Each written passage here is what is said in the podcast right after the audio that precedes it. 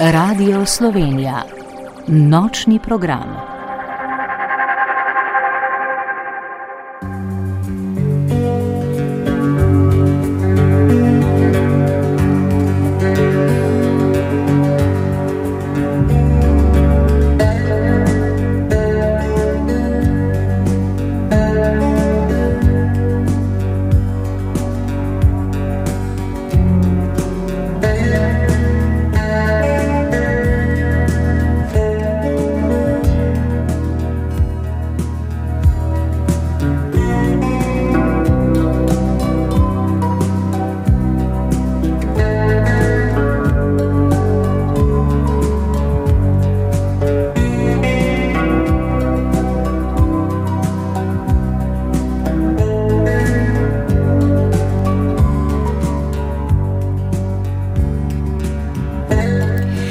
Spoštovane poslušalke in cenjeni poslušalci, dober večer. Ker v dolinah ni in ni prave snežne odeje, ker so dnevi pretopli, bi, če ne bi na koledarju pisalo mesec januar, že brkljali po zemlji. Ne, nič ni prezgodaj, da bi v novem letu začeli s sajanjem in nahranili svojo močno vrtnarsko žilico. Če bi se sajanje lotili s potrebnim znanjem sonaravnega vrtnarjanja in pa z avtohtonimi slovenskimi semeni, bi nam šli predelki še bolj v slast. Vredno je začeti poskusiti, saj bi bili presenečeni nad seboj in svojimi uspehi. In ne le to. Zapis v rastlinah, pridelan na ekološki način, se prenaša tudi na nas. Če človek uživa tako pridelano hrano, je bolj zdrav. Tako kot rastlina na vrtu v mrazu v težkih pogojih razvija odpornost, jo z uživanjem takšne hrane na to tudi človek. In tudi o tem bomo govorili to noč.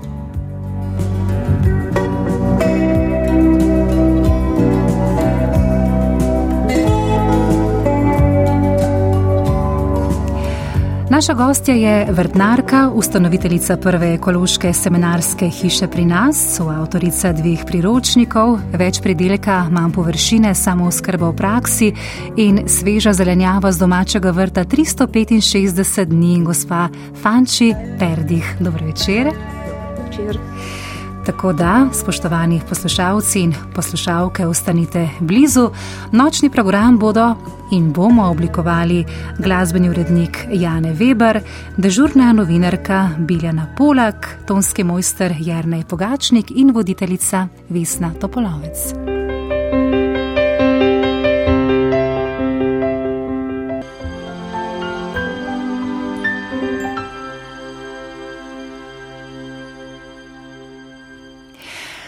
Glasba, ki jo boste poslušali do druge ure po noči v oddaji Nočni obisk, je po izboru naše gostje, Fanči Perdih. Še enkrat dober večer. Dober večer. Balada za Delino, Richard Kleiderman. Glasba je tudi nekaj, kar vas um, zelo vznemirja. Kot mala ste se učili violino ne, in poslušali klasiko. Ja, v bistvu sem hodila v glasbeno šolo ne? in moram reči, da naša učiteljica eh, glasbe me je nekako navdušila nad uh, poslušanjem in razumevanjem glasbe, tako da pravzaprav glasbo poslušam ne glede na zvrst, uh, ampak uh, dejansko iščem, kaj je v tem. Uh, lahko rečem, da tista prva ura uh, v glasbeni šoli uh, nam je spustila ploščo uh, Vltava. In smo na to glasbo potem narisali risbice, kaj smo pravzaprav slišali. Ne? Tako da je bilo prav zanimivo, no? res. In zahtevno notno črtov je zdaj, ko ste v svojem podjetju Amarant že 16 let in ko tako strastno vrtnarite, mimo grede, vi ste poklicna vrtnarka in tudi hobi vrtnarka, brez tega ne znate živeti. To ja, absolutno. Tudi nekakšno notno črtov je potem zlagate na teh gredicah. Nekaj čudovitega ste ustvarjali pod kotom 45 stopinj, ste mi pravili, sta z možem naredila kataloški vrt. Ja, v bistvu to je pa moževa ideja, no, ker mi dva dejansko sva uh, zelo upeta v ta najn vrt uh, in uh, on je strojnik ne, in je pač jasno iz svojega poklica uh, potem potegne tudi ven uh, kakšne zelo dobre ideje. Ne. Uh, in tisto strmino, ki jo je bilo vedno težko kositi, uh, je sklenil, da bi pač spremenil v stopničaste grede. Ne. In dejansko mu je uspel, tako da je to zdaj naš glavni vir zelenjave, ker zelenjava tam boljš uspeva kot na klasičnih gredicah. Pod kotom eh, zelo sušno postane, ampak s pravo mero zalivanja je pridelek daleč, daleč, daleč najboljši pri vas, ste mi eh, povedali. Ja, v bistvu tako je. No. Res, da je potrebno zalivati. Eh, je pa res, da smo v te stopničaste grede dali tudi te substrate, ki so drugač za visoke grede ali pa velike lonce. Eh, ker sem pač morala testirati, ne, kaj pravzaprav nudim na tržišče ne, in kako se rastline v tem obnašajo in sem gotovila, da je to res fantazija. No. Kaj je trenutno užitnega na teh gredicah? Uh, trenutno so jagode, ki smo jih praktično pred novim letom še pobirali, -huh. in pa radiči. In fanče ne bi bila fanče, če ne bi prinesla seboj celo v radijski studio polno malho najrazličnejših semen in žakeljček česna.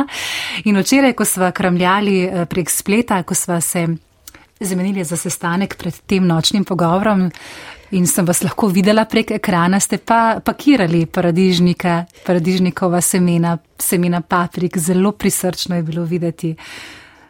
Ja, v bistvu tako je. Eh, mi smo letošnjo, lansko leto eh, kar precej različnih sort predelali ne? uh, in v decembru je fitosanitarna inšpektorca vzela vse vzorce in začetek januarja sem dobila potem rezultate. Da so naša semena ok, to se pravi, da niso okužena z virusi in da gredo lahko na trg. Tako da sem zdaj hitela pakirati, ker namreč ravno včeraj zvečer sem imela prvo predavanje v živo ne, in jasno so vsi, ki so prišli, so želeli tudi naša semena ne, in jasno najbolj aktualne so novosti. V Škofiloki ste eh, predavali eh, zdaj že predvčerajšnjim, ne danes, Aha, petek 13. Točno. boste pa v Sostremu Ljubljani. Uh, ja, žal sva s tem organizatorjem imela kratek stik, tako da bo 31. ne 13. pač. Uh, malo je bilo uh mhm. -huh. tipkarske napake. Uh, ja, uh, v bistvu imam zdaj le v januarju kar štir predavanja predvidena. Kar nekaj predavanj, to so zlata vredna predavanja za vse tiste, ki radi vrtnarite, za vse tiste, ki bi želeli vrtnariti in upoštevati naravne zakonitosti in pa setveni koledar po Mariji Tun. Takšno kmetovanje rastline krepi in neguje. In eh, vi ste nocoj tudi prinesli s seboj setveni priročnik in že nekaj namignili, kakšno leto 2023 nas čaka. Moje vprašanje je, kdaj bo konkretno zapadel sneg Ja, v bistvu eh, jaz v koledarju pogledam, kako stojijo platneti pred ozvezdi, eh, ker to nam eh, nekako da tisto makro situacijo, to se pravi, ali gre trend bolj v toplo, ali bolj v hladno, ali bolj v mokro, ali bolj v suho varianto. Ne? Eh, in letošnjo leto se je eh, začelo tako, da je Merkur eh, praktično cel januar pred toplotnim ozvezdjem in zaradi tega trenutno še ni tiste prave zime. Dobro, je kakšna slana, kdaj, ampak uh, ni pa tistega hudega, hudega mraza. Ne? Dočim 10. februarja se pa Merkur prestal pred kozoroga, no takrat pa lahko pride do bistvene ohladitve. Ne? In bo tam ostal do konca februarja, tako da uh, lahko pričakujemo, če bojo padavine, bo sneg. Uh, in lahko pričakujemo tudi kar kakšno stopino več pod minusom, kot recimo je tista slana, ki jo prenese glavnina rastlinšene. Ja, ker zdaj čebele brančijo zunaj, ne, regrati se odpirajo, zvončki, trubentice, telo, hiže, frani, to vse se obnaša, kot da je višek pomladi. Ne? Ja, če vam povem, da smo mi danes jedli, oziroma včeraj jedli gobe, ki so zrasle na našem vrtu, uh -huh. ne, eh, ker eh, v bistvu eh, z možem sva poleg vrtnarjenja tudi imava zelo rada gobarjenje in pa gojenje gob.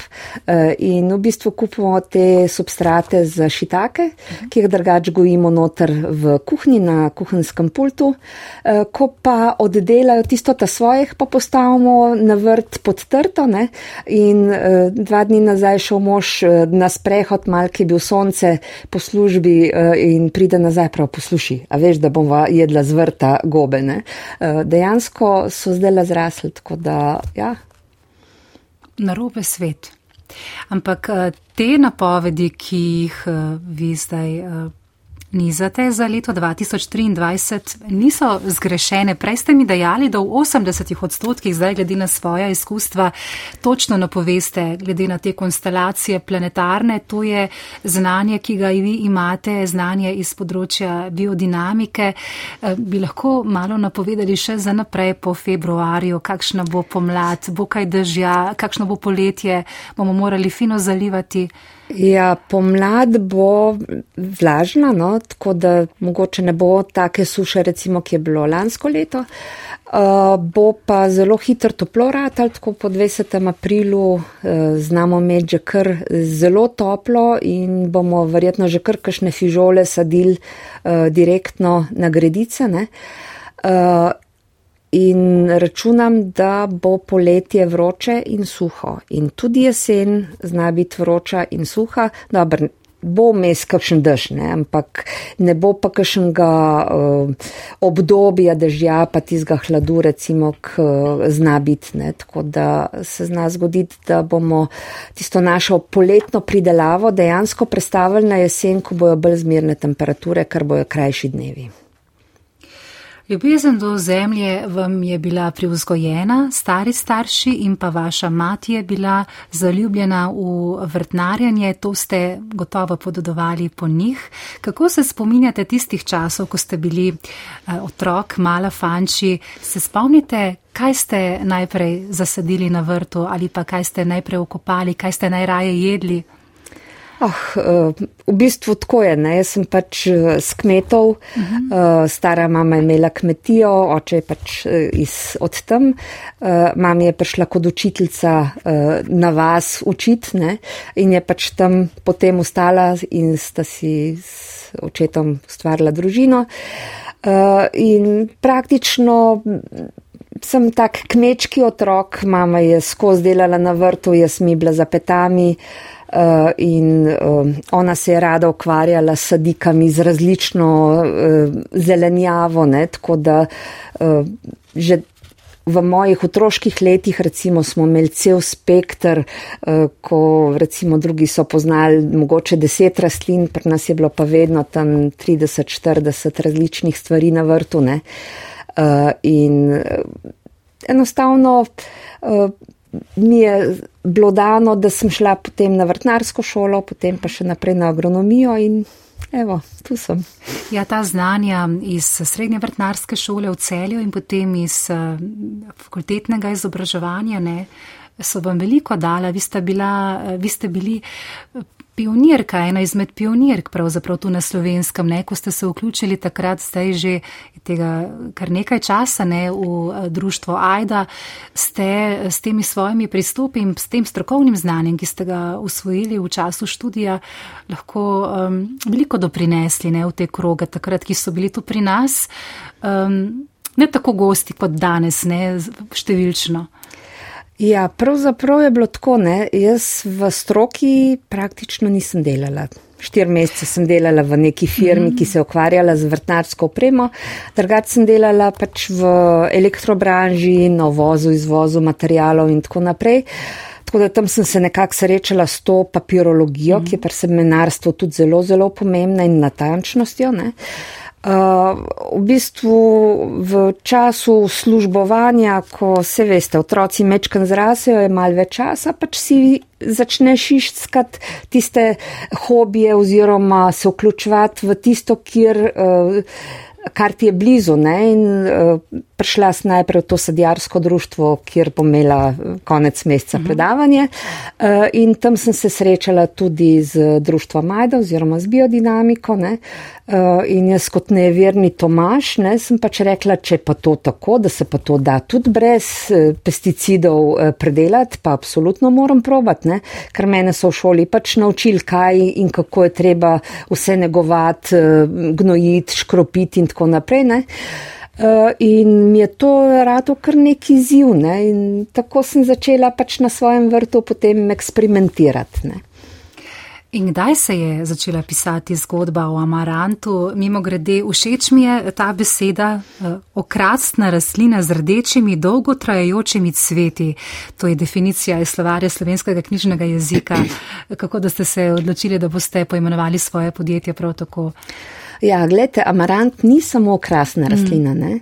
Uh, to je prastara rastlina, uh, rečejo tudi inkovsko žito, mm. ker že stari inki so ga poznali, uh, ker ta žlahtni amarant ima seme, ki se lahko uporablja tudi za izdelavo kruha mm. brez glutena. Ne? Uh, ima ogromno mineralov in uh, je dejansko so inki uh, ga častili kot uh, hrana za otroke otroke in starce, eh, ravno zaradi te uh, mineralne vsebnosti. Ne. Po drugi strani je pa to rastlina, ki jo recimo v Zahodnji Evropi v ekološkem tudi zelo veliko uporabljajo, recimo za smutije, za, za uh, razne te zadeve, za zgoščevanje in tako naprej, za dodatek moki, ne, za v bistvu izboljšanje te beljakovinske in pa mineralne vsebnosti. Ne. Tako da poleg tega se začne na A, ne, ker takrat, ko smo doma se odločili, kakšno bi dali ime, uh, smo pač gledali, kaj je tisto, kar bi bilo neki, nek sinonim, ne, po drugi strani pa, da to ni neka rožca, recimo, ali pa, kaj se vem, korenček, ne, tisto je preveč klasično, da bi bilo recimo neko tako uh, domišljijsko ime. Ne. Mhm, pravite, prav staro užito, ampak um, vi se res zelo trudite, da bi ohranili avtohtone slovenske semenske sorte. To je naša dediščina, to je naš zaklad. Kako ste takrat, um, ste si mislili, ko ste recimo začeli takrat uh, v Aidi, da boste nekoč ustanovili lastno seminarno in to z ekološkimi semeni. To je bilo takrat verjetno precej znanstveno fantastično na našem teritoriju. Ne? Ja, absolutno. Niti, niti v sanjah nisem si mislila, niti ne razmišljala o tem. Praktično je zadeva prišla čist spontano. Ne? Mhm.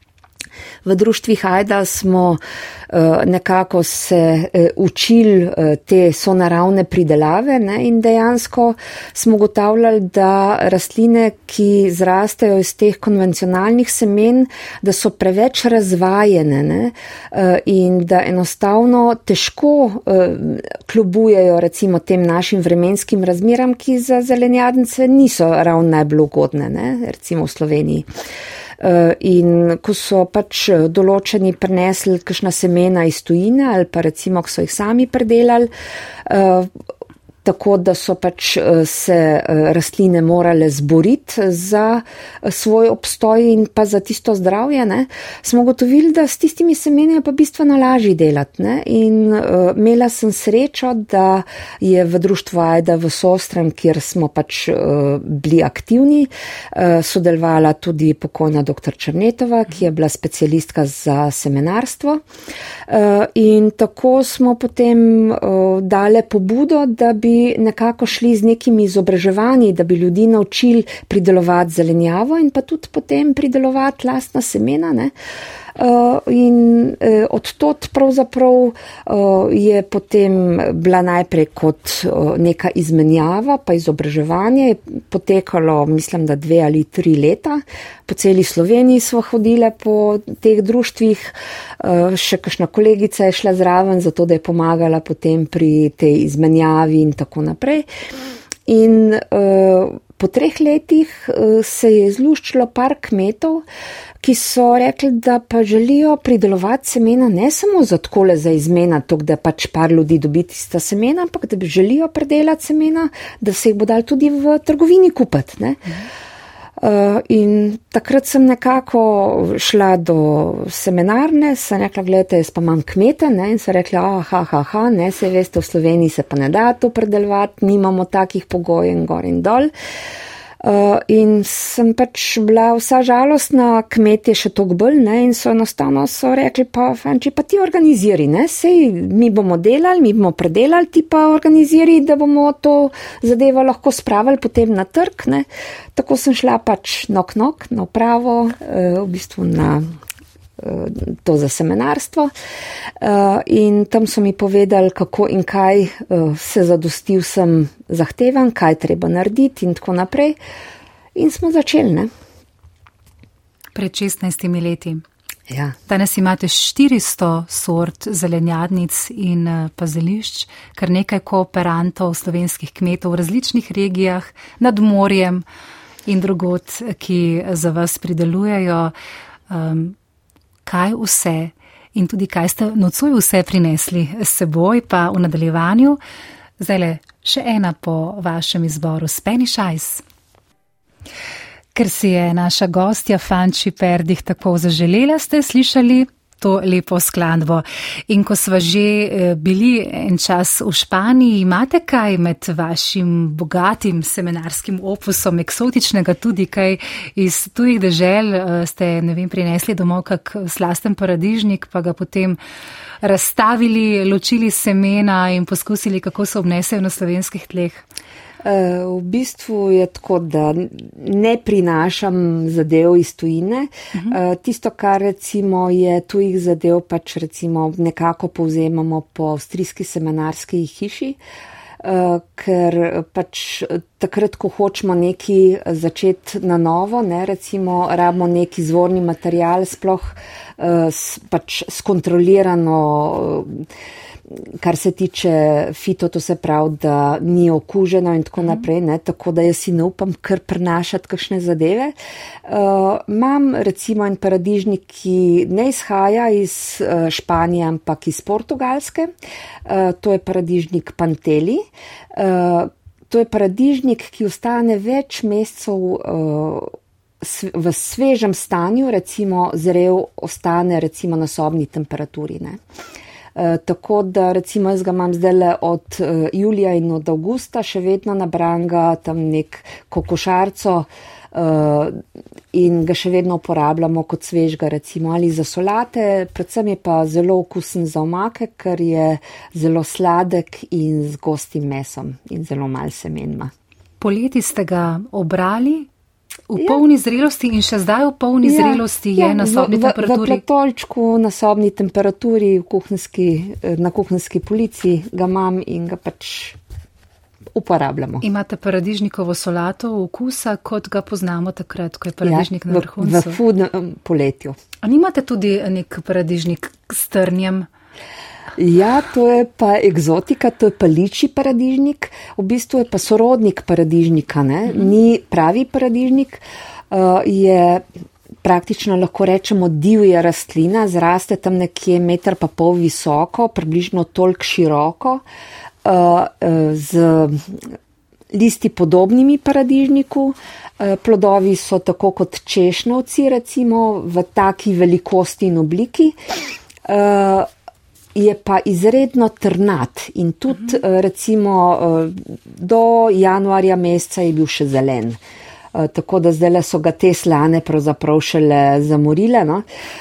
Je pa zanimiv, recimo plodovi so taki sladkasti in recimo v prerezu, če pogledaš, bolj spominja na šipek kot na paradižnik. Ker ima uh, v bistvu ta semena zelo, zelo združena uh, v sredini, uh, okrog ima pa tak, kot debelo, mesnato, sladkasto meso. Zelo zanimivo. Ja. Drugačno. A vas ljudje veliko krat iščejo pri vas, svoj prosti čas preživljate na vrtu? Pridejo, sprašujejo, fanči, si že začela, kaj pa delaš, kaj imaš to, jaz bi tudi, um, kako gledajo na to uh, vašo ekološko seminarsko pot z odobravanjem, eh, ker slovenci ne, eh, imamo včasih težave s tem, da bi nekaj novega eh, začeli, sprejeli, čeprav to ni novo, kar vi počnete, ne, pa vendar. Pravzaprav sem jaz doma od vsega najmanj. Tako da sem povsod, recimo po Sloveniji, kamorkoli me povabijo, recimo potem v Gorni Radgon imamo na uh, sejmišču vrt, kjer ga tudi obdelujemo in imamo delavnice tam tudi izven sezone, ne samo na samem sejmu Agra. Uh, v glavnem veliko sem recimo pri naših kooperantih, ko pač uh, se dogovarjamo za pridelavo, recimo, ali pa kadar imajo kakšne probleme, pa potem, ko gremo z inšpektorji okrog, pač zadeve pogledati. Tako da sem, lahko rečem, zelo velik na terenu, bolj mal doma. Uh, Ljudje me bolj recimo najdejo na kakšnih prireditvah, na kakšnih stojnicah. Uh, ker pač vseh teh zadev se nekako deležujemo razen zaradi tega, da lahko ljudje pridejo takrat um, in sem jim na razpolago. Ne? Ker takrat, ko sem doma, pač moram podelati tisto, kar je v ozadju, ne? to se pravi, ne bo papirologija, ne bo potem uh, samo čiščenje ali pa vzgoja sadik in tako naprej. Ne? In takrat enostavno nimam časa, da bi se zdaj še z nekom uh, ukvarjala. Eh, tako kot, kot gostja. Ne? Tu sem mislila bolj na sosede, uh, radovedne. Ko jaz delam kaj na vrtu, soseda se takoj zanima, kaj vendar počnem konec januarja. Po 18. ste rekli, se korenček seje. Ne? To je ek, ja. precej eksotično, lahko za mrsi katerega kmeta, sploh če je okoli 80, pa še rad z mineralno gnojila eh, siplja okoli ja. sadik. Ne? Glede, to ni nič novega. Mm. Veste, da naše stare mame ne, mm. so sejale okrog pusta korenje mm. v žito. Mm. To je bila tradicija stoletja. In ta korenje je bil dejansko najboljši, najbolje obstal, najbolje zrasel. E, nobena suša ga ni e, uničila, e, ker dejansko je v tem zimskem času pognal močno korenino. E, čez pomlad, ko je tist zemeljski izdih ne, in rastline rastejo v, v bistvu v zrak, ne, takrat je žito ga preraslo ne, in ko se žito poželo, eh, je ta korenje, ki je bil takrat mogoče par centimetrov velik, so ga kmetice oplele ne, in je do jeseni naredil čudovito te korene, ne, ki niso bili nič trdi, nič niso pokali ne, uh, in so krasno pol počakali do novega, pravzaprav do jesen, poletja. Ne. Mhm. Zdaj, eh, v zadnjih januarskih dneh, naj bi v grebene, ki smo jih, če smo bili dovolj pridni, že jeseni nastavili, posejali v vrsto korenje. Eh, vi boste bolj vedeli, kako, ker za marsikaterega vrtnarja v Sloveniji je to eh, še zmeraj misija nemogoče vzgoja lastnega korenčka, ena zahtevnejših zelenjadnic morda. Kako se tega lotiti na pravi način, pa če je to res ena tistih rastlin, ki jih zdaj lahko naprosto sejemo že v začetku leta? Uh, ja, Tako bom rekla, ne? Eh, v letošnjem letu, glede na to, da se obeta taka vročina in suša, eh, mislim, da bo ta korenček tisti, ki bo sigurno naredil. Vse ostalo je vprašanje. Ne? Predvsem je odvisno od lege in pa pač kako so tla založena. Tako da jaz vedno priporočam, recimo zdaj le tla niso zmrznjena, tako da se še vedno da narediti eh, grebene. Uh, Eh, grebene se naredi tako, kot bi recimo krompirusu. Ne? Uh, jaz naredim grebene za korenček ravno zaradi tega, ker uh, če pride v poletnem času do hude suše, uh, se tla tako zbijajo, da praktično korenček ne more razrint uh, te zemlje ne, in ostane tanek, uh, ne more debeliti. Ne. Če ga pa mi posejemo na greben gor na vrh, uh, pa lahko v bistvu odrine tisto zemljo tako, da koren debeli. Uh, jaz vedno priporočam, recimo, da se poleg korenčka uh, v, v bistvu v neki posodici zmeša seme korenčka in pa seme solate. Lahko damo tudi kakšno redkvico zraven ne? Uh, in to posejemo v vrsto. In spomladi bo solata, recimo, ko bo tam nekje 3 do 4 cm velika, jo populmo, jo presadimo ali jo pojemo kot berivko. Uh, in takrat je korenček glihen centimeter velik, to se pravi, glik dobro je po kuku iz zemlje uh, in ne bomo imeli problema niti ne spleveli, niti ne, uh, da bi recimo uh, ga presušili ne, zaradi sonca. Uh, To se pravi, tudi sam, samo kalitvijo ni problem ne? Uh, in imamo potem lahko zelo lep pridelk. Uh -huh. Ni pa to edina zelenjava, ki jo lahko zdaj sejemo. Omenila sem, da na prosto um, v lončke pa lahko že kaj drugega, ne? Ja, v bistvu v lončke se pa lahko zdaj lesejo že vse plodovke, uh, potem te listnate zadeve, kot je petršil, blitva, uh, recimo solate, uh, kapusnice se zdaj že sejejo, recimo mhm. cvetače, brokoli, če želimo, da jih bomo pred poletjem lahko že imeli, ne? Je treba kar zdaj zastaviti da bo dejansko začetek marca, eh, ko se bo spet otoplilo, ne, eh, da bomo lahko posadili na prosto, ker eh, če ne bo prišlo prej poletje in enostavno te rastline ne bojo mogle več narediti tisto, kar bi radi. Omenili ste tudi plodovke že zdaj, kaj imate tu v mislih, pa ne vem, da malancane in. Malancane in paprike se že zdaj se. Že lahko ja, zdaj. Zaradi tega, ker to, recimo, paradižnik ne, paradižnik sejemo vedno tam nekje od začetka marca naprej. Dočim papriki in malancani uh, je pa pomembno, da jih sejemo dovolj zgodaj, uh, da dejansko uh, se uh, lahko dobro razrastejo, uh, da imamo recimo lahko rastline že z štirimi, šestimi ali pa osmimi listi, recimo že v aprilu mesecu. Uh, ker takrat potem jih nekako lahko začnemo že počasi utrjevati za sajenje na prosto. Ne? Tudi za čili je to velja zdaj ali počakamo še? Uh, či, čili tudi dolg časa rabijo, da kalijo, tako da ja, absolutno jih je treba tudi zdaj le sejati. Pa to je cela znanost. Um, če smo v stanovanjih ali v hišah ogrevanih zdaj po zimi, sejanje, potem notri je toplo, eh, rastlina divja in se preteguje in imamo potem en špaget plavajoč, ki pade okoli. Kako ste se vi s temi začetniškimi napakami, gotovo ste tudi vi bili nekoč malo leseni, da tako rečem, ko ste začeli, eh, kako je bilo. No, ja, prav, pravzaprav, eh, jaz sem od malga že eh, je mami imela toplo gredo, ne? Mhm. res da je paprika recimo sjala v platoje, pa potem na okensko polico, pa na radiator, pa sem pa keb in tako naprej. Ne?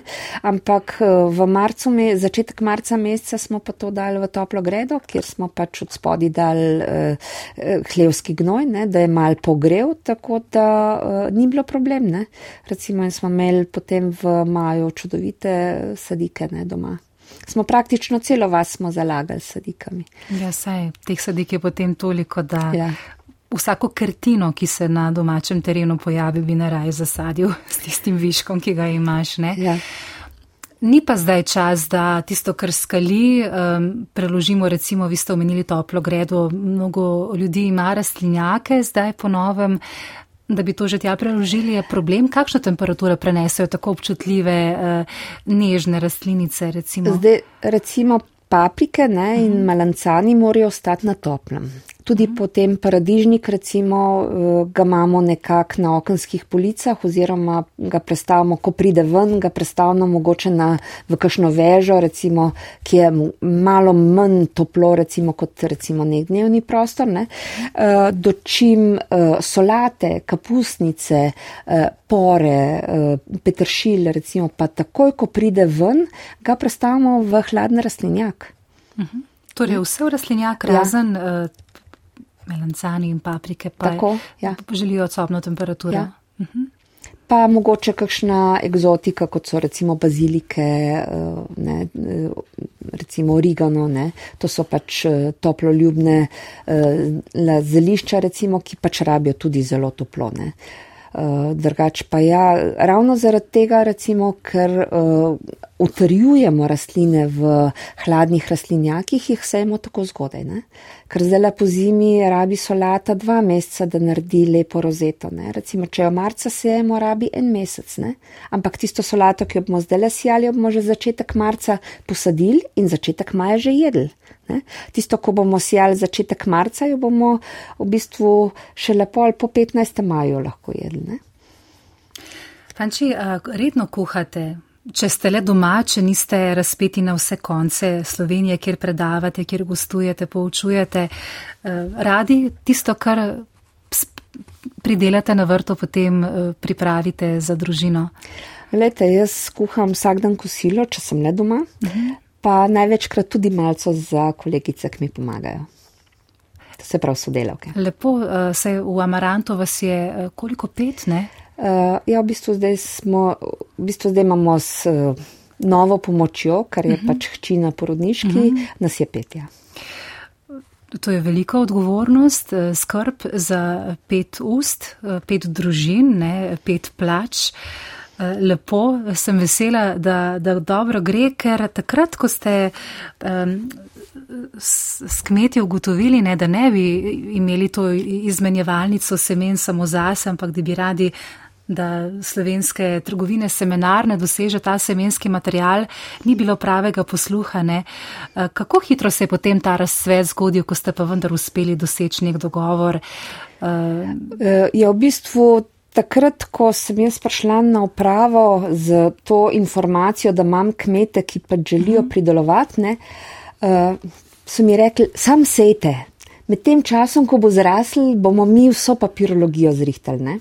In takrat pač, eh, ker ni bilo druge variante, sem jaz prevzela nase, zato imam tudi uh, kot seminarsko hišo, kot registrirano kot Amarante SP. Um, ravno to papirologijo in birokracijo uh, in dejansko že isto leto, ne, aprila smo.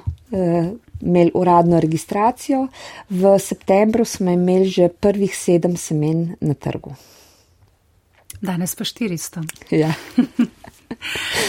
In vi ste tisti, ki negujete slovenske sorte, jih ohranjate pri življenju, izpopolnjujete, selekcionirate, to je vaša dolžnost, to čutite kot neko močno poslanstvo, imam občutek, ne.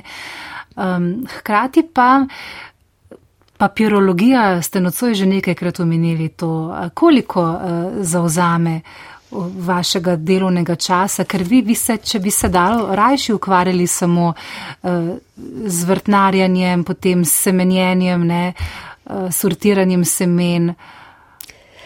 Ja, precej časa vzame, mm. ne, če računate, da recimo v lanskem letu imam samo na področju fitokontrole 36 zapisnikov, ne, kar mm. pomeni, da je bilo tok uh, pregledov opravljenih zdaj ali pri nas, ali v trgovini, ali uh, na terenu pri naših kmetih. Ne.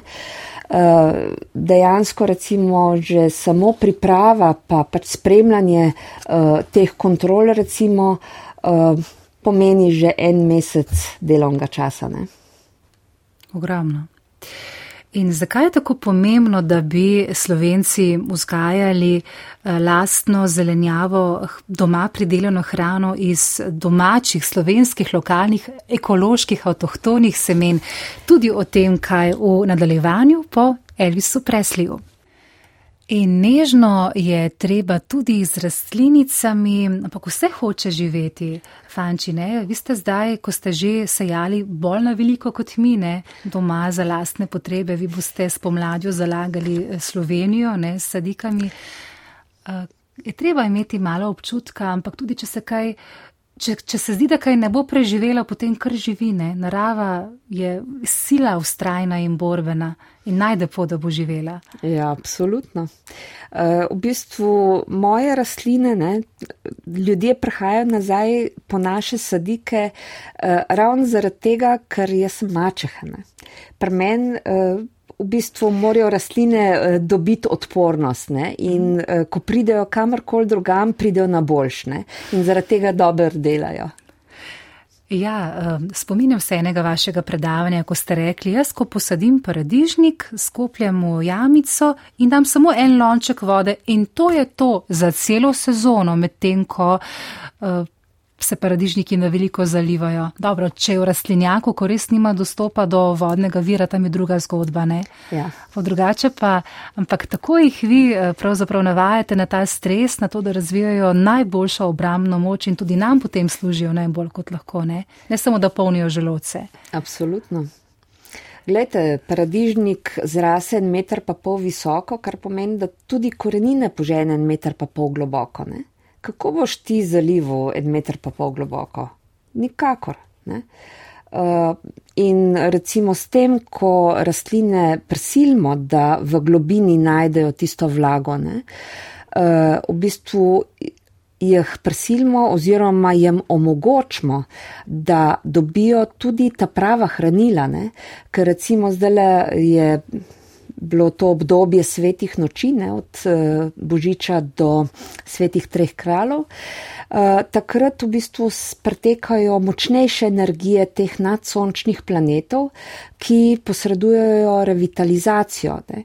In uh, te planeti pravzaprav njihovi žarki segajo tam nekje 60 do 80 cm globoko v tla in se tam odbijajo. Ne? In če naše rastline iz te globine jemljajo hrano, ne, dobijo tudi to vitalnost, uh, ki jo te planeti posredujejo. In zato ste tudi vi v tem času zakopali. Ta skrbno izbrana, selekcionirana semena globoko v zemljo, a ste jih že uh, izkopali ven? Uh, Eh, v bistvu jaz letošnjo leto nisem zakopavala, ker uh mhm. -huh. sem imela mal problema z zdravjem. Uh -huh. uh, ponavadi pa zakopljem predvsem tiste zadeve, kjer želim delati neko selekcijo, kjer uh mhm. -huh. želim delati na daljši rok, uh, ravno zaradi tega, ker uh, ta revitalizacija semen, recimo, ko se dogaja, se pozna šele drugo, tretjo sezono v tistem polnem razmahu. Ne. Prvo sezono je sicer, ampak recimo smo delali primerjalne posevke eh, istega semena, ki smo ga zakopali in pa istega semena, ki smo ga imeli shranjenega pač normalno v kleti. Ne. Eh, in eh, v prvem letu praktično skoraj da ni bilo razlike, ne. dočim drugo, tretje leto se je pa že kar poznali.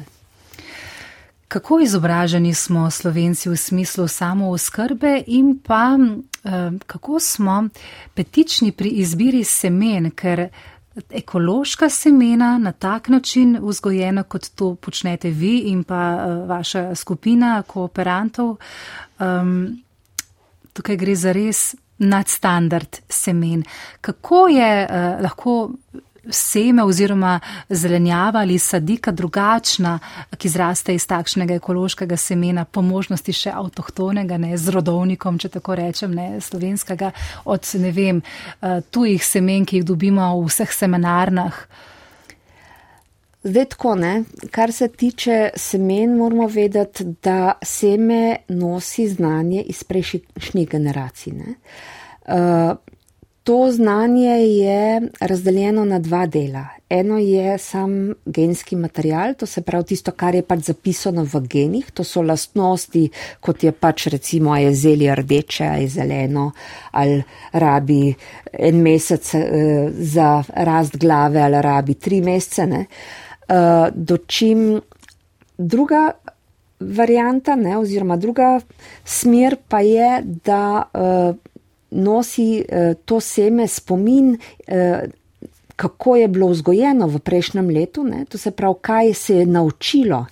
Uh, in uh, To je predvsem pomembno, recimo, ker pri ekoloških semenih ne, moramo na uh, naravni način vzgojiti rastline, kar pomeni, da morajo rastline si same vzgojiti odpornost, ne, ker jih mi naučkamo z nekimi pesticidi.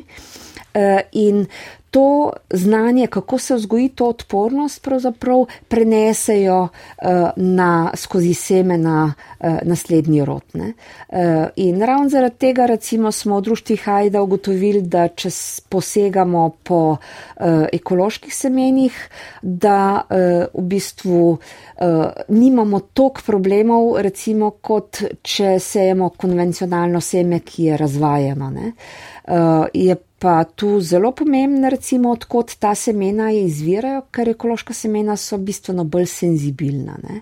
Eh, in recimo, če jih prenesemo iz ostalih okolij, ne, v prvem letu rabijo kar nekaj časa, da se aklimatizirajo. Ne? Ravno zaradi tega je pomembno, recimo, da so ta naša semena predelana tu, na naših tleh.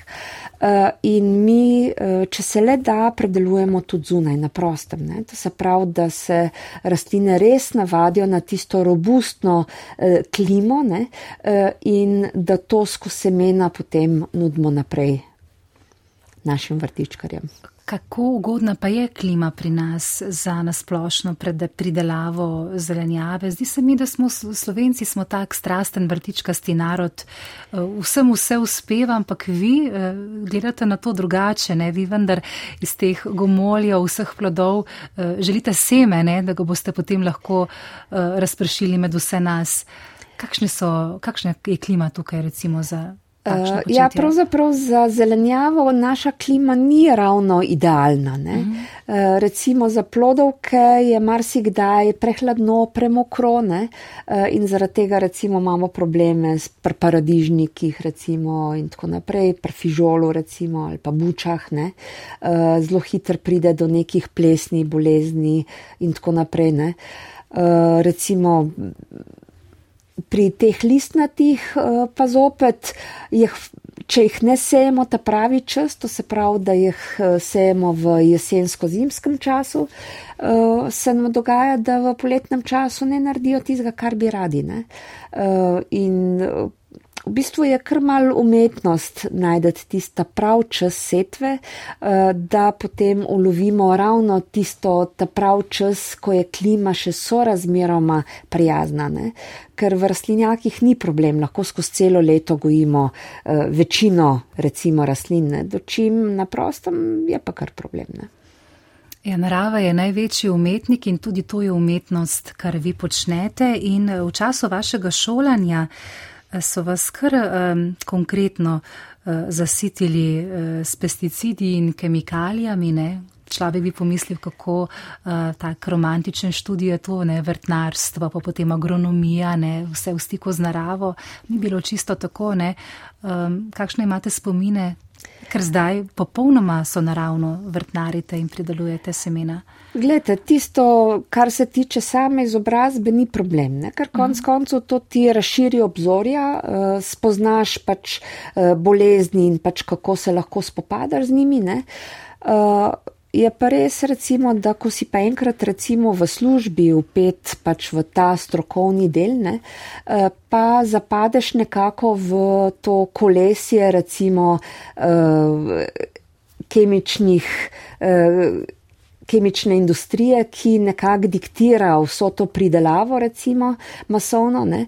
uh, in uh, nekako skozi te kalkulacije se vedno kalkulira, kako boš z minimalnimi stroški dobil maksimalni profit, recimo maksimalne pridelke, uh, ki bodo veliki, uh, lepi uh, in pač cenovno potem primerni. Recimo, o tem, eh, kako lahko na naraven način okrepimo rastline, pa boste poslušalci lahko veliko slišali v nadaljevanju, povsem brez kemije. Samo milijon nas je in agropop. Vi ste, fanči, eh, sigurno pridelali milijon sadik v 16 e, letih. Ja, mislim, da ja. Mislim, res, eh, koliko 150 različnih sadik boste imeli sedaj spomladi za vaše? Uh, ja, v bistvu spomladi, recimo takrat april, maj, ne, ko je tista sezona sajenja, uh, zasajanja vrtov, uh, imamo tam nekje od 100 do 150 različnih sort. In dejansko prodajamo v naši trgovini, v Trzinu, na tržnici, kadar smo na recimo. In pa naša potnica potem tudi po Sloveniji, ko gre, recimo, ima dostave na dostavna mesta, tako da imamo naročilnico, ki se da naročiti. Ja. Meni se je zdelo, da nekaj vem o vrtnarjenju, tudi sama znam pridelati sadiko, pa 150 različnih sort.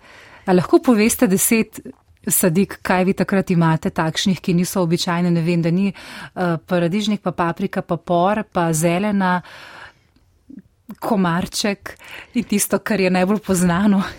Ja, gledajte, v bistvu mi dejansko imamo po 20-30 sort paradižnikov, Aha. po več, sort, več kot 10 sort paprik, recimo potem čiljev, uh mhm. -huh. potem solat je tudi cel spektr, kapusnic je eh, en kup, ne? potem so tu še zelišča, recimo. Ne? Uh, tako da se pol, ko se nabere vse zadeve, ja, dejansko je tako. Zdaj mi je malo bolj razumljivo. Ja. Ja, um, Veliko dela imate tudi s pisanjem, zdaj že lep čas sodelujete z znano slovensko revijo, ne? V Jani so vaši eh, tedenski nasveti. To terja kar veliko premišljevanja, se to spontano zgodi, kaj boste v tem tednu zapisali, recimo pa kaj pisati v decembru, vendar ko zemlja spi, ko naj bi tudi kmet imel malo manj skrbi, pa kaj fanči takrat dela v decembru? Uh, ja, gledajte, naslov te eh, rubrike je Ujemimo ritem narave ne? mm -hmm. in mhm. nekako razlagam setveni priročnik, tako da tisti, ki so začetniki, recimo, uh, lahko se uvedejo noter, kako ga pravzaprav uporabljati. Po drugi strani pa nekako ljudem povem, kdaj je tista pravi čas za neka opravila, kdaj je ta zadnji čas za neko pravilo. Ne? Uh, tako da uh, recimo se potem te nasveti skozi teden, glede na to, da je situacija vsak teden drugačna, ne, uh, potem spreminjajo. Uh, kadar mi pa zmanjka tem, pa dodam še kakšen recept. Ne. Recimo zdaj le pred uh, v tem prazničnem času, ne, recimo se na dan za cvet uh, se pečejo kvašena peciva ne, in pa uh, peciva, kjer se uporablja velik začimp, ker recimo dan za cvet oziroma takrat, ki je element zrak, svetloba, tista aktivne, spodbuja uh, vsa eterična olja in pa uh, jasno tudi recimo kvas hitreje dela in zato so peciva bolj uh, rahla, sladka in pa aromatična. Zanimivo. Kakšni bodo na sveti v tem tednu, ste jih že napisali? Ne še. Ne, še jutr bom pisala, tako da jutr pol do uh, nekje dveh popovdne moramo dati. In, uh, Spet boste šli ob štirih zjutraj, imate vsaj za osnovo?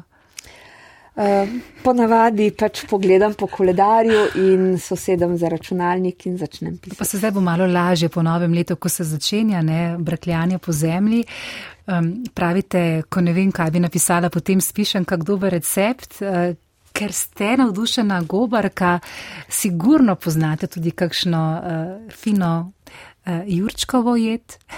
Uh, v bistvu sem uh, ta teden uh, izumila nov recept uh, za uh, obi, uh, bučno juho z gobami, namreč te šitake, ki smo jih pobrali uh, na vrtu. Ne, uh, sem uh, s čebulco lepo popražila na maščobi, dodala mečkan uh, mlete rdeče paprike.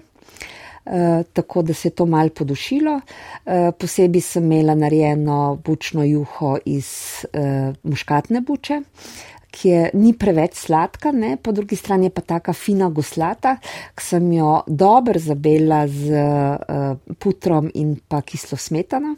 Uh, in potem, ko so bile te gobice dobro prepražene, sem jih umešala noter v uh, to gosto juho, ki je tako, da praktično žlica že skoraj po koncu stoji. Uh, no, in to je bila dejansko lahko samostojna jed, ker ni rabljena zraven več. Prav lepo je zadišalo. Mm -hmm. Buče dolgo stojijo, ne, eh, za naše poslušalke in poslušalce je bil to en namik, pa tudi za našega tonskega mojstra, vegana. On ima rad take zelenjav, zelenjavaste jedi. Um, Kaj pa prežene vrtne škodljivce? Moja prijateljica se vsako zimo pritoži, tudi veganka, eh, da ji eh, voljuhari pojedo korenčke, ki jih če pusti zunaj, tudi živalice morajo živeti, preživeti. Kako se na naraven način lahko nekako spoprijateljimo in jih eh, povabimo nekam drugam, kjer ni naše zelenjave? Ja, kar se voluharja tiče, imamo pri nas pač dobre mačke. Uh -huh. Eh, ki eh, enostavno stražijo naše gredice, tako da eh, s tem nimam problemov. Ne.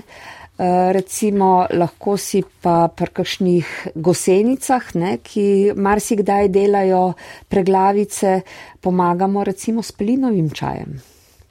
Ne? In jim zagrenimo življenje, kot pravi. Tako. Praktično pelinov čaj pomaga proti vsem grizočim žuželkam. Uh -huh. Skuhamo pa enostavno vejco tam nekje 10 do 15 cm dolgo, skuhamo v enem litru vode. Eh, ko to dobro prevre, eh, razrečemo z eh, desetimi litri vode, zmešamo in poškropimo. Ali pa recimo v poletnem času, če imamo te sovke, ki v tleh požrejo korenince, ne? recimo jaz reci, vedno radič in nandivjo sadim tako, da skuham pelinov čaj, ga razrečem, potem pa v luknco, v jamico, kjer bom posadila sadiko recimo ali radiča ali endivje, zalijem tam nekje dva deci eh, tega čaja, sadiko noter in sigurno mi bojo te škodljivci pustili moje sadike primerov. Zanimivo in tukaj so te recepture zelo, zelo v pomoč. Vi kot dolgoletna strokovnjakinja in s tolikimi izkušnjami na področju seminarstva poznate ekvivalent, da ne bomo imeli kemije pesticidov, imamo tukaj rosce, ki jih moramo pravilno skuhati v čaj in potem pravilno rečiti in pripravimo naravno škropivo. Eh, vsaka je lahko. Bakr, ne vsaka, ampak ena še posebej, ne potem neka druga žveplo. Uh, bi povedali, prosim, te recepture, to so tako zelo pomembne stvari, ki bi morale biti v naših procesorjih tukaj v glavi, ne uh, zmeraj. Pa da si morda poslušalci zabeležijo te recepture? Ja, v bistvu eh, bakar nadomešča čaj iz kamilce. Uh mhm. -huh. Kamilca spodbuja eh, aktiviranje bakra v tleh, to se pravi, da ga rastlina lahko absorbirajo in si tako nekako eh, jačajo odpornost. Po drugi strani pa kamilca tudi spodbuja eh, aktiva, aktiviranje. Eh, eh, teh celičnih sten, mhm. ki jih jača um, kalci. Ne? To se pravi, uh, kalci iz tal rastlina potegne, ga upne v celične stene in recimo, uh, ko po dolgem času suše, recimo, pride do dežja, uh, vemo, da naši paradižniki enostavno popokajo. Ne? Popokajo zaradi tega, ker so te celične stene uh, šipke. Če pa mi recimo konstantno enkrat na teden škropimo ali pa zalivamo z kamilčnim čajem, pa ne samo, da ne bo rastlina zbolela, uh, dobila glivičnih bolezni, ampak bo tudi bo plodovi taki močni, da recimo vsa ta nihanja vlage uh, z lahkoto prenesejo veliko življenjskih izkušenj in modrosti. A je res treba samo deset cvetov kamilice, pomislite, poslušalke, poslušalci, tista drobcena, drobceni cvet, ki ne samo deset ste mi povedali, jih je dovolj za čaj. Ena proti deset, potem mi poveste, nam poveste recepturo točno. Ja, v bistvu deset cvetov damo v vodo, eh, prevremo. Kakšno količino vode? Eh, v en liter vode damo 10 cvetov, eh, ko to prevremo, pustimo 15 minut, da odstoji, to se pravi, da se učinkovine izlužijo v vodo, eh, predsedimo v 10 litrov vode, to zmešamo in poškropimo. Ne. Zdaj, eh, recimo po 15 minutah, je ta čaj še vroč, vendar, ko ga zmešamo z vodo, je vsa ta tekočina tam nekje okrog 30 stopinj, 30 do 35 in to je idealna temperatura za škropljenje po rastlinah. A je smiselno škropiti tudi te mlade sadike, ki bodo zdaj kmalo usklile iz semen ali A, počakamo? Abs ne, absolutno. Ja. absolutno. To je tista prva nega, recimo, uh mhm. -huh. in tudi v, eh, za te mlade rastline jaz vedno preventivno uh, kombiniram čaj iz koprive, čaj iz kamilce in čaj iz armana. Ne. To so tri rastline, ki dejansko delujejo vsaka zase, zato tudi vsak čaj skuhamo zase. To se pravi, v en liter vode damo 10 cvetov kamilce, v drug liter vode damo 500 cveti armana, ki smo ga pobrali poleti, ne, da je bil tak reže dost zrev. Ne. Uh, in pa recimo od 3 litra vode damo pa en pogank tam 10 do 15 cm uh, koprive, ki smo jo tudi pobrali recimo konc pomladi, tik pred cvetenjem. Uh, vse tri čaje skuhamo, pustimo, tako pustimo, da malo odstojimo, jo potem pa damo 10 litrov in vse tri čaje noter. Kadar kombiniramo, v bistvu uh, damo vedno na. Uh, količino 10 litrov, dodajamo pol en, dva ali pa tri čaje, zaradi tega, ker v kombinaciji niso tako močne. In če bi to na 30 litrov razrečili, ne, eh, dejansko bi se tista učinkovina potem preveč porazgubila. Ne. Torej, potem 3 litre na 10 litrov. Tako, mhm. tako, v tem primeru. Ne? In dejansko je tako, recimo, kamilca deluje najboljš na dan za plot, e, kopriva deluje najboljš na dan za list, e, arman deluje najboljš na dan za cvet. Takrat potem pobiramo te rastline. Ne, tak, tak, takrat so najbolj aktivni ne? in recimo, kaj sve mi uh -huh. s takim čajem škropimo enkrat na teden. Odločimo se, recimo, sobota je tiš čas, ko si lahko to prvošmo, da se s tem ukvarjamo. Uh, takrat skuhamo vse tri čaje in poškropimo in če pogledamo posetvenem priročniku, enkrat je to dan za list, takrat je koprivata glavna, uh -huh. pa jo ostale dva pomagata. Uh -huh. Naslednji teden je lahko plot, eh, je kamilca, tista, ki je ta glavna, pa mu ostale pomagata. Ne? Eh, in to so tri rastline, ki dejansko spodbujajo eh, rastline, da bojo imele zdravo rast. Ne? Ker recimo Arman. Kamilco smo že povedali, Arman spodbuja uh, delovanje žvepla uh, in pakalja in uh, predvsem uh, rastlino poveže v prostor, da se lažje razrašča, eh, dočim kopriva pa eh, nekako spodbuja pretok snovi v rastlini in zaradi tega tudi spodbuja rast. Ne? In nekako uranava procese, zato tudi recimo skoprivo škorpimo proti ušem. Kaj pa preslica? Je tudi med temi štirimi velikimi, ne? Ja, vendar preslice nikdar ne kombiniramo z ostalimi čaji, zaradi tega, ker preslica funkcionira čist drugače. Ne? E, ona ne da stimulira e, aktivnost nekega elementa, ampak preslica spravi te uh, mikroorganizme v tla nazaj, to se pravi te glivice, ki se drugač dvigajo ob vlagi, recimo pa napadejo naše rastline, ne, te glivice spravi uh, v tla in jih tam nahrani, da tam enostavno delajo tisto, kar je njihovo poslanstvo. Uh -huh. uh. Na kaj ste najbolj ponosni, ko gledate to dolgo prehojeno pot? Uh, Kaj je bilo za vas tisto, ko si rečete, hm, to sem pa res fino naredila, to mi je pa res dobro uspelo. Zdaj v zadnjem času ste stkali uh, sodelovanje z osmimi novimi, če se prav spominjam, ne, kooperanti. Ja, to je bilo v lanskem letu. Mm -hmm. ja. Mhm. Namreč.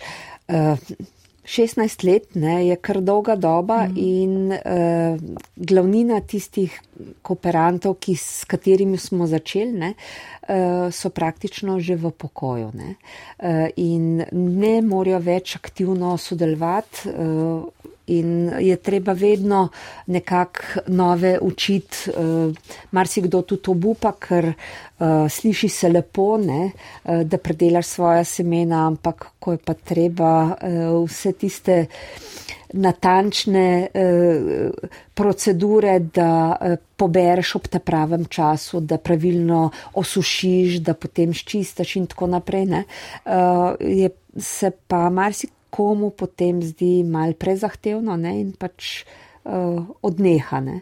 Tako da vedno nekako dopolnjujem s kom, ki želi na novo in lansko leto moram reči, da smo pač prek društva samo skrbni, uh, smo naredili male reklame in uh, dejansko se je našel osem entuzijastov, ki so rekli, da bi radi začeli, da bi se radi naučili uh, in moram reči, da imamo res en zelo velik spektr semen uh, letošnjo leto na novo neki na novo sorte, neki pa pač obnovljeno tisto, kar je že bilo in je pač semena zmanjkalo. Kaj bodo semenili, lahko poveste?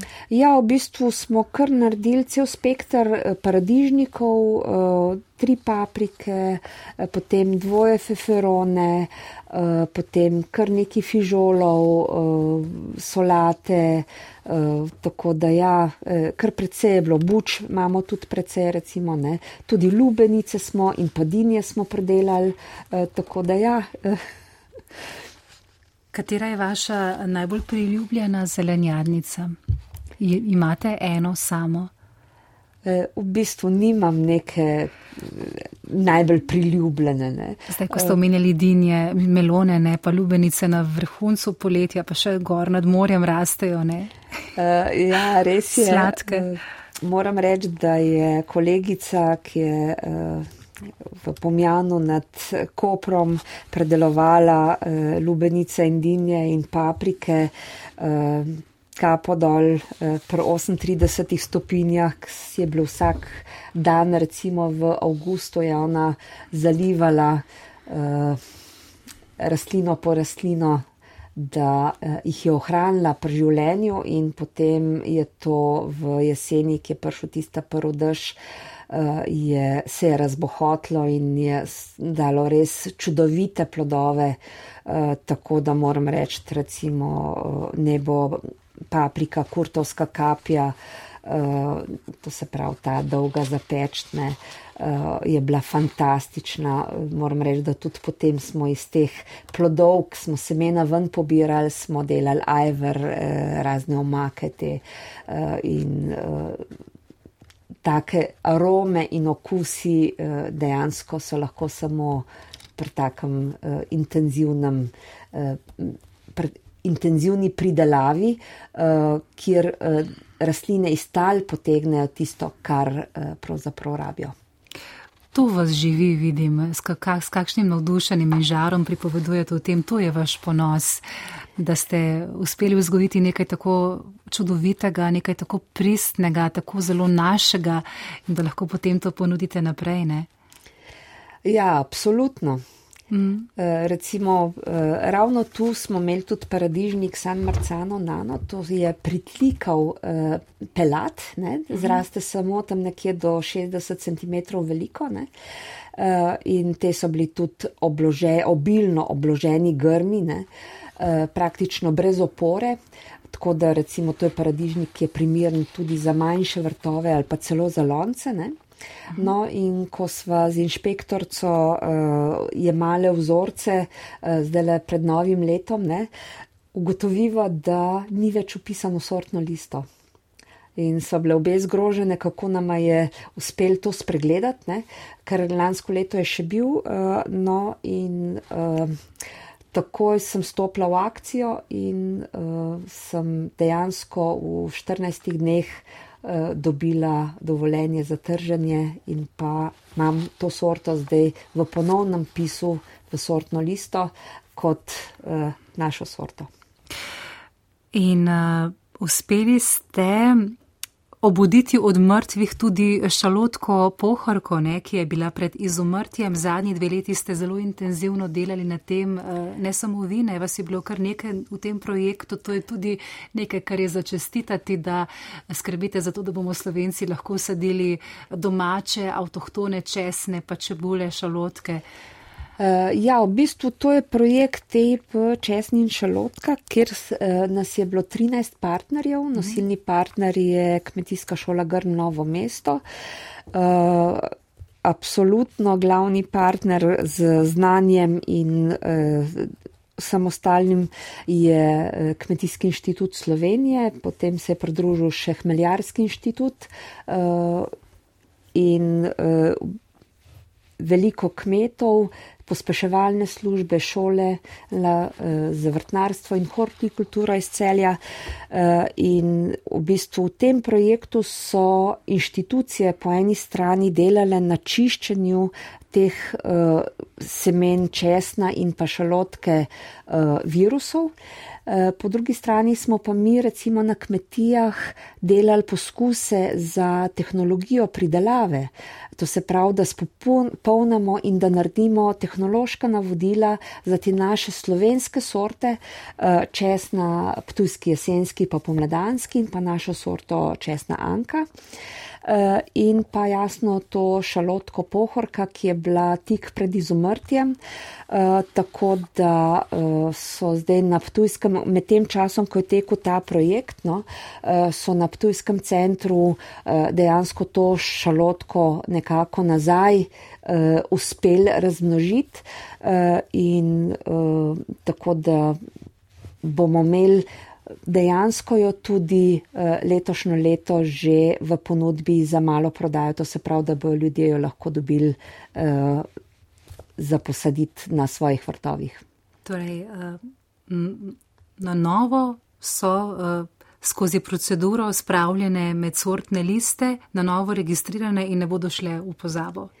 Uh, ne, to niso na novo registrirane. To so, uh -huh. to so ta projekt Epo česni in šalotka eh, pravzaprav bazira na tem, da česne in šalotke ščistimo virusov, ki so prisotni, ki se pač so na, se nahajajo v naravi in se potem eh, te rastline so zelo dovzetne za to, da se navzame in zaradi tega je potem manjši pridelk. Ne. To je ravno tako kot recimo pri krompirju. Ne. Če ti kupaš semenski krompir, je ta ščiščen virusov ne, in zato prva leta zelo dobro dela. Ne. Po štirih, petih letih je potreba zopet seme zamenjati. In eh, podobno želimo eh, tudi te slovenske sorte pripraviti, to se pravi, da bojo brez virusa in bojo zaradi tega bolj konkurenčne kot recimo so ta moment, ko prihajajo recimo tuje sorte, ki so že ščiščene ne, in uh, nekako te naše avtohtone izpodrivajo. Ne. Uh, s tem, da moram reči, da naše sorte so dejansko specifika, kar se tiče okusa in pa trpežljivosti, ne, uh, tako da trpežnosti, tako da. Uh, bi bilo res škoda, recimo, da bi se to uh, našo kulturno dediščino zgubili. Uh, ravno zaradi tega je tudi Kmetijski inštitut pravzaprav prevzel ta Ptujski center selekcijski ne, uh, in uh, se bojo vse te zadeve v bistvu intenzivno nadaljevale. Tako da smo tukaj dejansko povezali celo Slovenijo, vse inštitucije in smo z roko v roki res naredili en tak zelo velik korak. No. Večkrat ste omenili ščistiti virusov. Ko govorimo o pridelavi semen, tako na veliko je to najbrž bolj pomembno. Kako se tega lotiti? To recimo mi, ki doma zbiramo semena paradižnikov, melancanov, tudi moramo ščistiti viruse? Ne, gledajte, te zadeve se delajo v laboratoriju ne? Mhm. in recimo. Uh, na Ptujskem pomladanskem eh, česnu je največ narejen, -huh. uh, ampak uh, Kmetijski inštitut dela na njemu že deset let. Ne? In zdaj recimo je prvih tistih 200 ali 300 rastlin že posajenih v zemljo. Ne. Tako eh, dolgotrajen postopek, predvsem pa drag, ne, zato tudi recimo brez nekih takih razpisov se te zadeve ne da narediti. Ne. Eh, tako da eh, smo res s tem, ko smo po eni strani. Eh, imeli možnost, da se je ta zadeva pospešeno delala v laboratorijih, po drugi strani pa, da smo naredili ta tehnološka navodila, to se pravi, da smo ugotovili najboljše tehnologije, ki so specifika za te naše sorte, ne, eh, da eh, ko bo prišel ta eh, brezvirusni material, da dejansko ga bomo z lahkoto razmnožili in pa potem dali tudi med splošno, na splošno uporabo. In kako z lahkoto, če je to sploh možno, lahko sami zberemo nekaj semen iz tistega, kar bomo to leto pridelali, morda iz vaših sadik in semen, nam boste zaupali v nadaljevanju. Fanči Perdih je naša nočna gostja in tole je njen izbor Summer Nights. Spoštovane poslušalke in poslušalci, v nočnem obisku je z nami vrtnarka in ustanoviteljica prve ekološke seminarne pri nas, Fanči Perdik. Zelo zanimiv podatek mi je povedala medtem, ko ste poslušali Summer Nights. Koliko 100 kg češnjevih paradižnikov ste razsemenili, da ste dobili koliko semena? Ja, dobri 200 kg smo letošnjo leto pridelali in uh, dobili smo približno pol kile semena. Zdaj si pa predstavljajte, če kdo pravi, da so ekološka semena draga, ne? pa spoh niso res toliko draže od konvencionalnih semen. Ne. ne. Ja. Um, še kakšna primerjava, bazilike so zelo, zelo drobna semen, semena, ne? drobnejše od makovih zrn, to je pa treba nasaditi. Ja, za kakšno kilo recimo je treba nasaditi kar, kaj sem, pet, šest starov recimo. Uh mhm. -huh. Pa drugače sam ta uh, proces pridobivanja teh semen, recimo, če imamo paradižnik, ni tako težek. Ne? Prerežemo na pol, izdolbemo eh, meso oziroma tisti semenski del, vi boste bolj znali povedati, kako potem to spravimo, kam, na kakšen način. Uh, ja, recimo za domačo rabo ne, uh, moramo vedno gledati, da zberemo iz zdravih rastlin. Zdrave paradižnike, take, ki so tipični, to se pravi, ki imajo tipično obliko, barvo in morajo biti predvsem dovolj zreli. Uh, take paradižnike potem uh, razpolovimo, uh, poberemo ven to tekočino z semeni. Jaz vedno to dam v nek uh, lonček, v neko posodo ali kozarc, uh, pustim par dni, da se v tej lastni tekočini da um, v bistvu prevre, to se pravi, da se uh, ta. Uh, ovoj, ki je okrog semen, da se razgradi, eh, in potem to enostavno splakujem tok časa, da se vse tisto, kar je nekako eh, malo splesnelo, malo eh, prevrelo, to se pravi, da se je skisalo, ne? in vsi tisti delčki, še recimo, ki pride kakšna lupinca ali kukarkoli, vse tisto, da se odplakne in potem so čist čista semena, ki jih dam na cedilo in posušim. In to velja za, vsa, za, za vsakoršno pridobivanje semen. E, v bistvu to je recimo za paradižnike, mm potem za kumare recimo podobno, kma zopet ta ovoj recimo okrog. Pri bučah največkrat niti ni treba e, čakati, ampak jih enostavno dobro speremo na cedilu, tako da vse tiste e, luščince, ki se obdajajo semena, da jih odstranimo. Ne. Eh, recimo druga stvar pa je takrat, kadar eh, čistimo kakšne solate, eh, kakšne kapusnice, recimo, ne, tam pa je treba nekako iz ovojnic spraviti semena, ne, tisto pa potem se s sejanjem, s pihanjem, recimo, ločuje. Uh, ko imamo enkrat uh, otreseno, recimo pa uh, spravljeno ven iz teh koškov. Recimo. Katera zelenjadnica ali zelišče je po vaših izkušnjah najtežja za semenjenje? Uh, Najbolj zahtevna. Recimo, predvsem so zahtevne kakšne sol, poletne solate, ne, ko ne grejo cvet, ne, ker mi imamo recimo eno poletno solato Maravila de Verano, ki je uh, prevod poletni čudež, Ne, to se pravi, če damo v Google Translate, ne, eh, vidimo, da piše to poletni čudež in dejansko to je solata, ki je odporna tako na vročino kot na sušo. Ne, in je edina glavna ta solata, ki nam sredi poletja, ko gremo mi na dopust za tri tedne, ostane v glavah, ne gre v cvet, med tem časom, ko nas ni, pa nas nihče ne zaliva vrta. vrta ne. Uh, in tako solato je dejansko zelo, zelo težko pripraviti do tega, da uh, bo semenila ne? Uh, in tudi potem semena nima prav zelo veliko. Ne? Ampak vi ste po svoji mami, učiteljici, nekaj te odločnosti in strogosti sigurno podedovali in vi znate spraviti solato v stres. Boš semenila, ker sem jaz tako rekla, ampak ne v boga zmeraj, ne?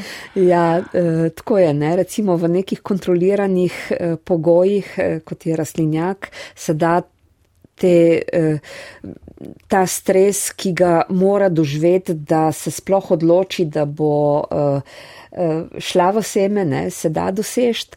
Recimo na prostem pa moram reči, da smo imeli eno zelo, zelo slabo izkušnjo, ko se je že začela dvigati, ne, tam 10-15 cm so že bila ta cvetna stebla, ne, na kar je prišel zopet obdobje dežja in je začela še enkrat delati glave. Ne. Tako da s tistim semenenjem pač ni bilo načne in tukaj dejansko je lahk eh, riziko, recimo, če nimaš takih optimalnih pogojev. In potem ni semena solate. Ja. Nekaj stare zaloge vedno morate pustiti, nikoli ne prodate vsega, ne?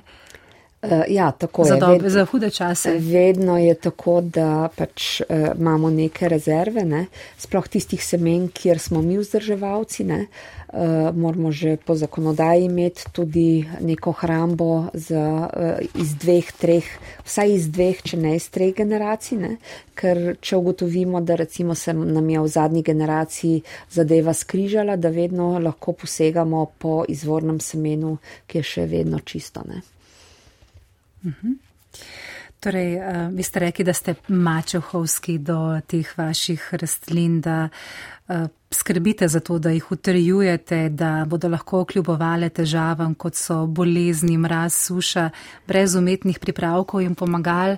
Takrat uh, pred, verjetno zdaj že 20 let vsaj, ne, ko ste se začeli zanimati za biodinamičen način vzgoje zelenjave v društvih Aida, kako zelo eh, osupljivi so bili ti podatki takrat nemških predavateljev, ki ste jih poslušali, snemali na kasete in potem vestno doma vse pretipkali in ta znanja potem znali posredovati naprej. Še danes verjetno ne upletate.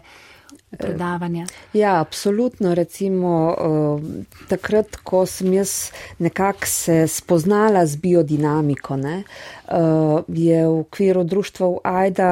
Uh, so marsikdaj prišli tuji predavatelji ali smo pa mišli ven recimo eh, v Švico na kongres, kjer je pet dni eh, predavan recimo na razno razne teme eh, ali pa smo šli na kakšne ekskurzije recimo po teh raznih biodinamičnih kmetijah v tujini, kjer pač že vrsto let, recimo tudi na zelo velikih površinah, recimo tudi 100 hektarske kme, so določene kmetije ne, eh, in uspešno predelujejo na ta način.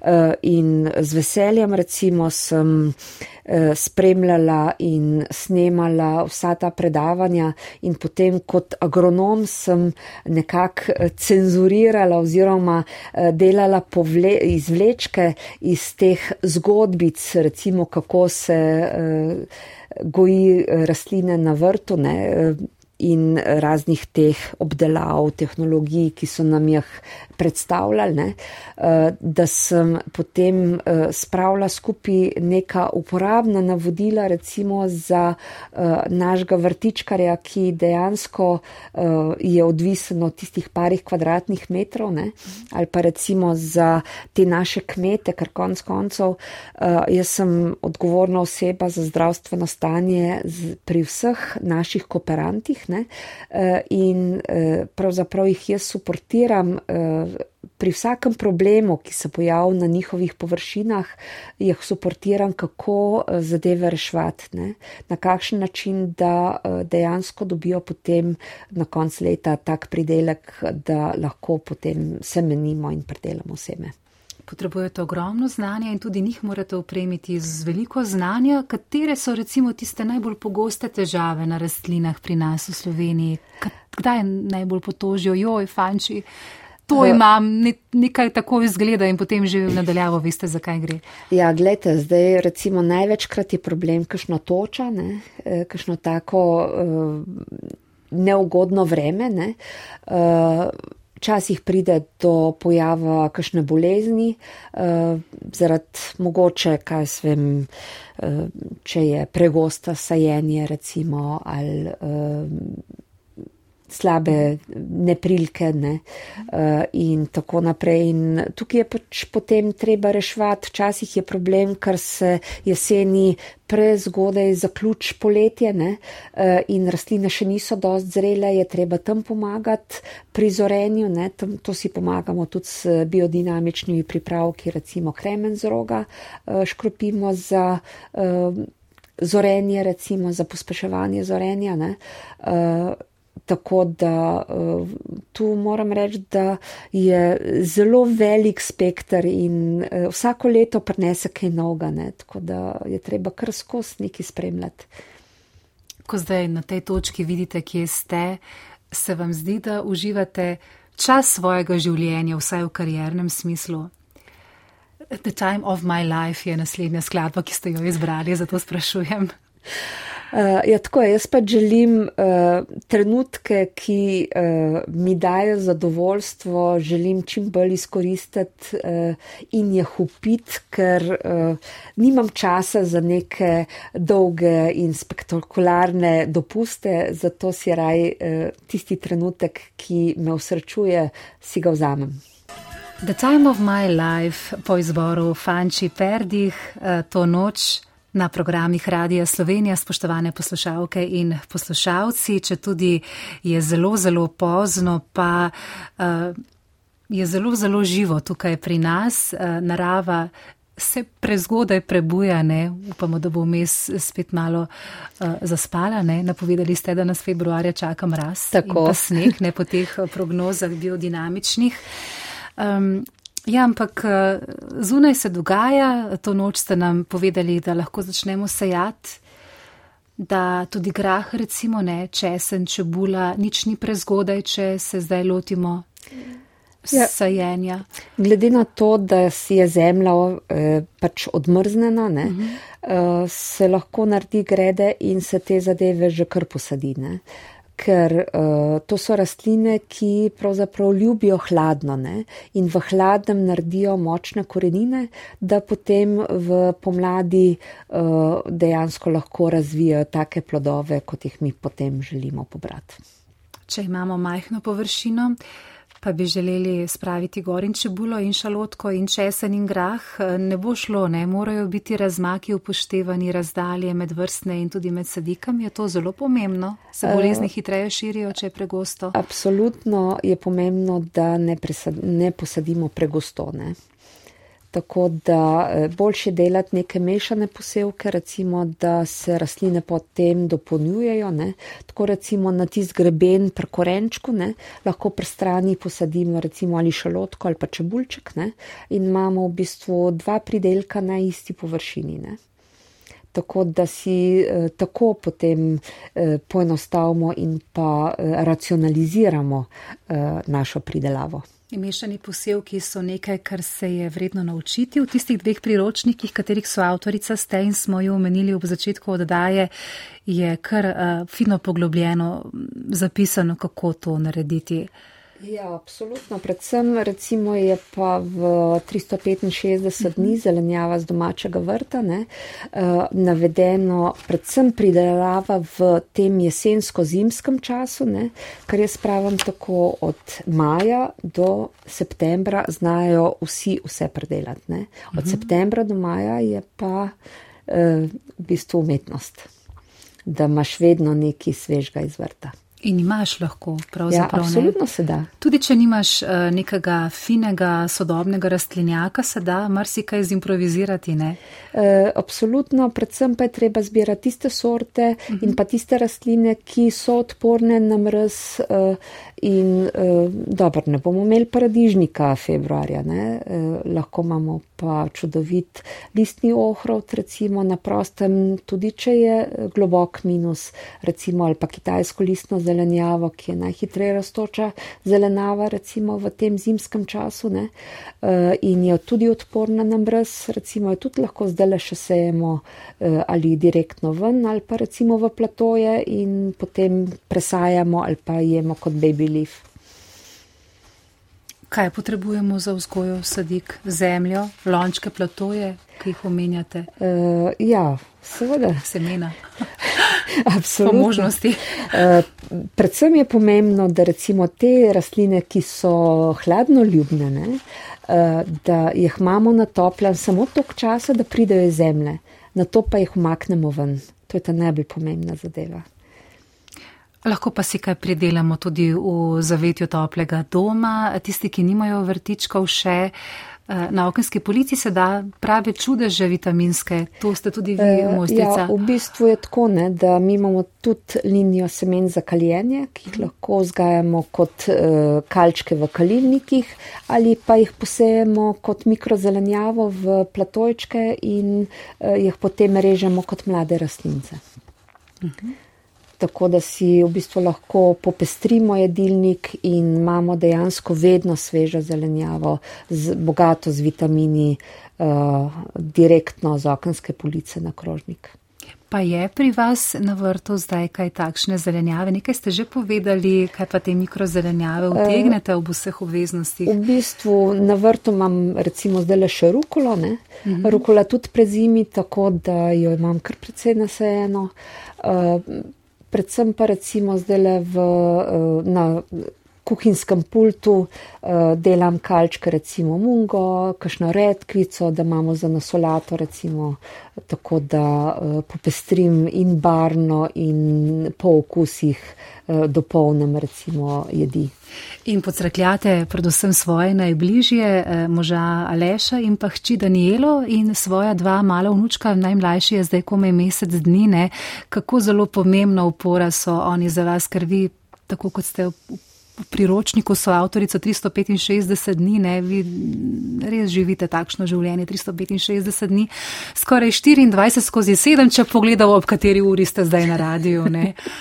Ja, moram reči, da uh, zahvala Alešu, možu, ki mi vsa ta leta stoji ob strani in me podpira in uh, vsako mojo zgrešeno uh, odločitev uh, pomaga rešiti. Ne? Uh, hči moram reči, da uh, je od malih nog uh, moj največji uh, inšpektor, ker vedno je stala za mano, mami, zakaj pa to, zakaj pa to, potem je bilo pa, zakaj pa nisi to tako, ne? Uh, in uh, zdaj pač ona vodi uh, trgovino v Trzinu in internetno trgovino.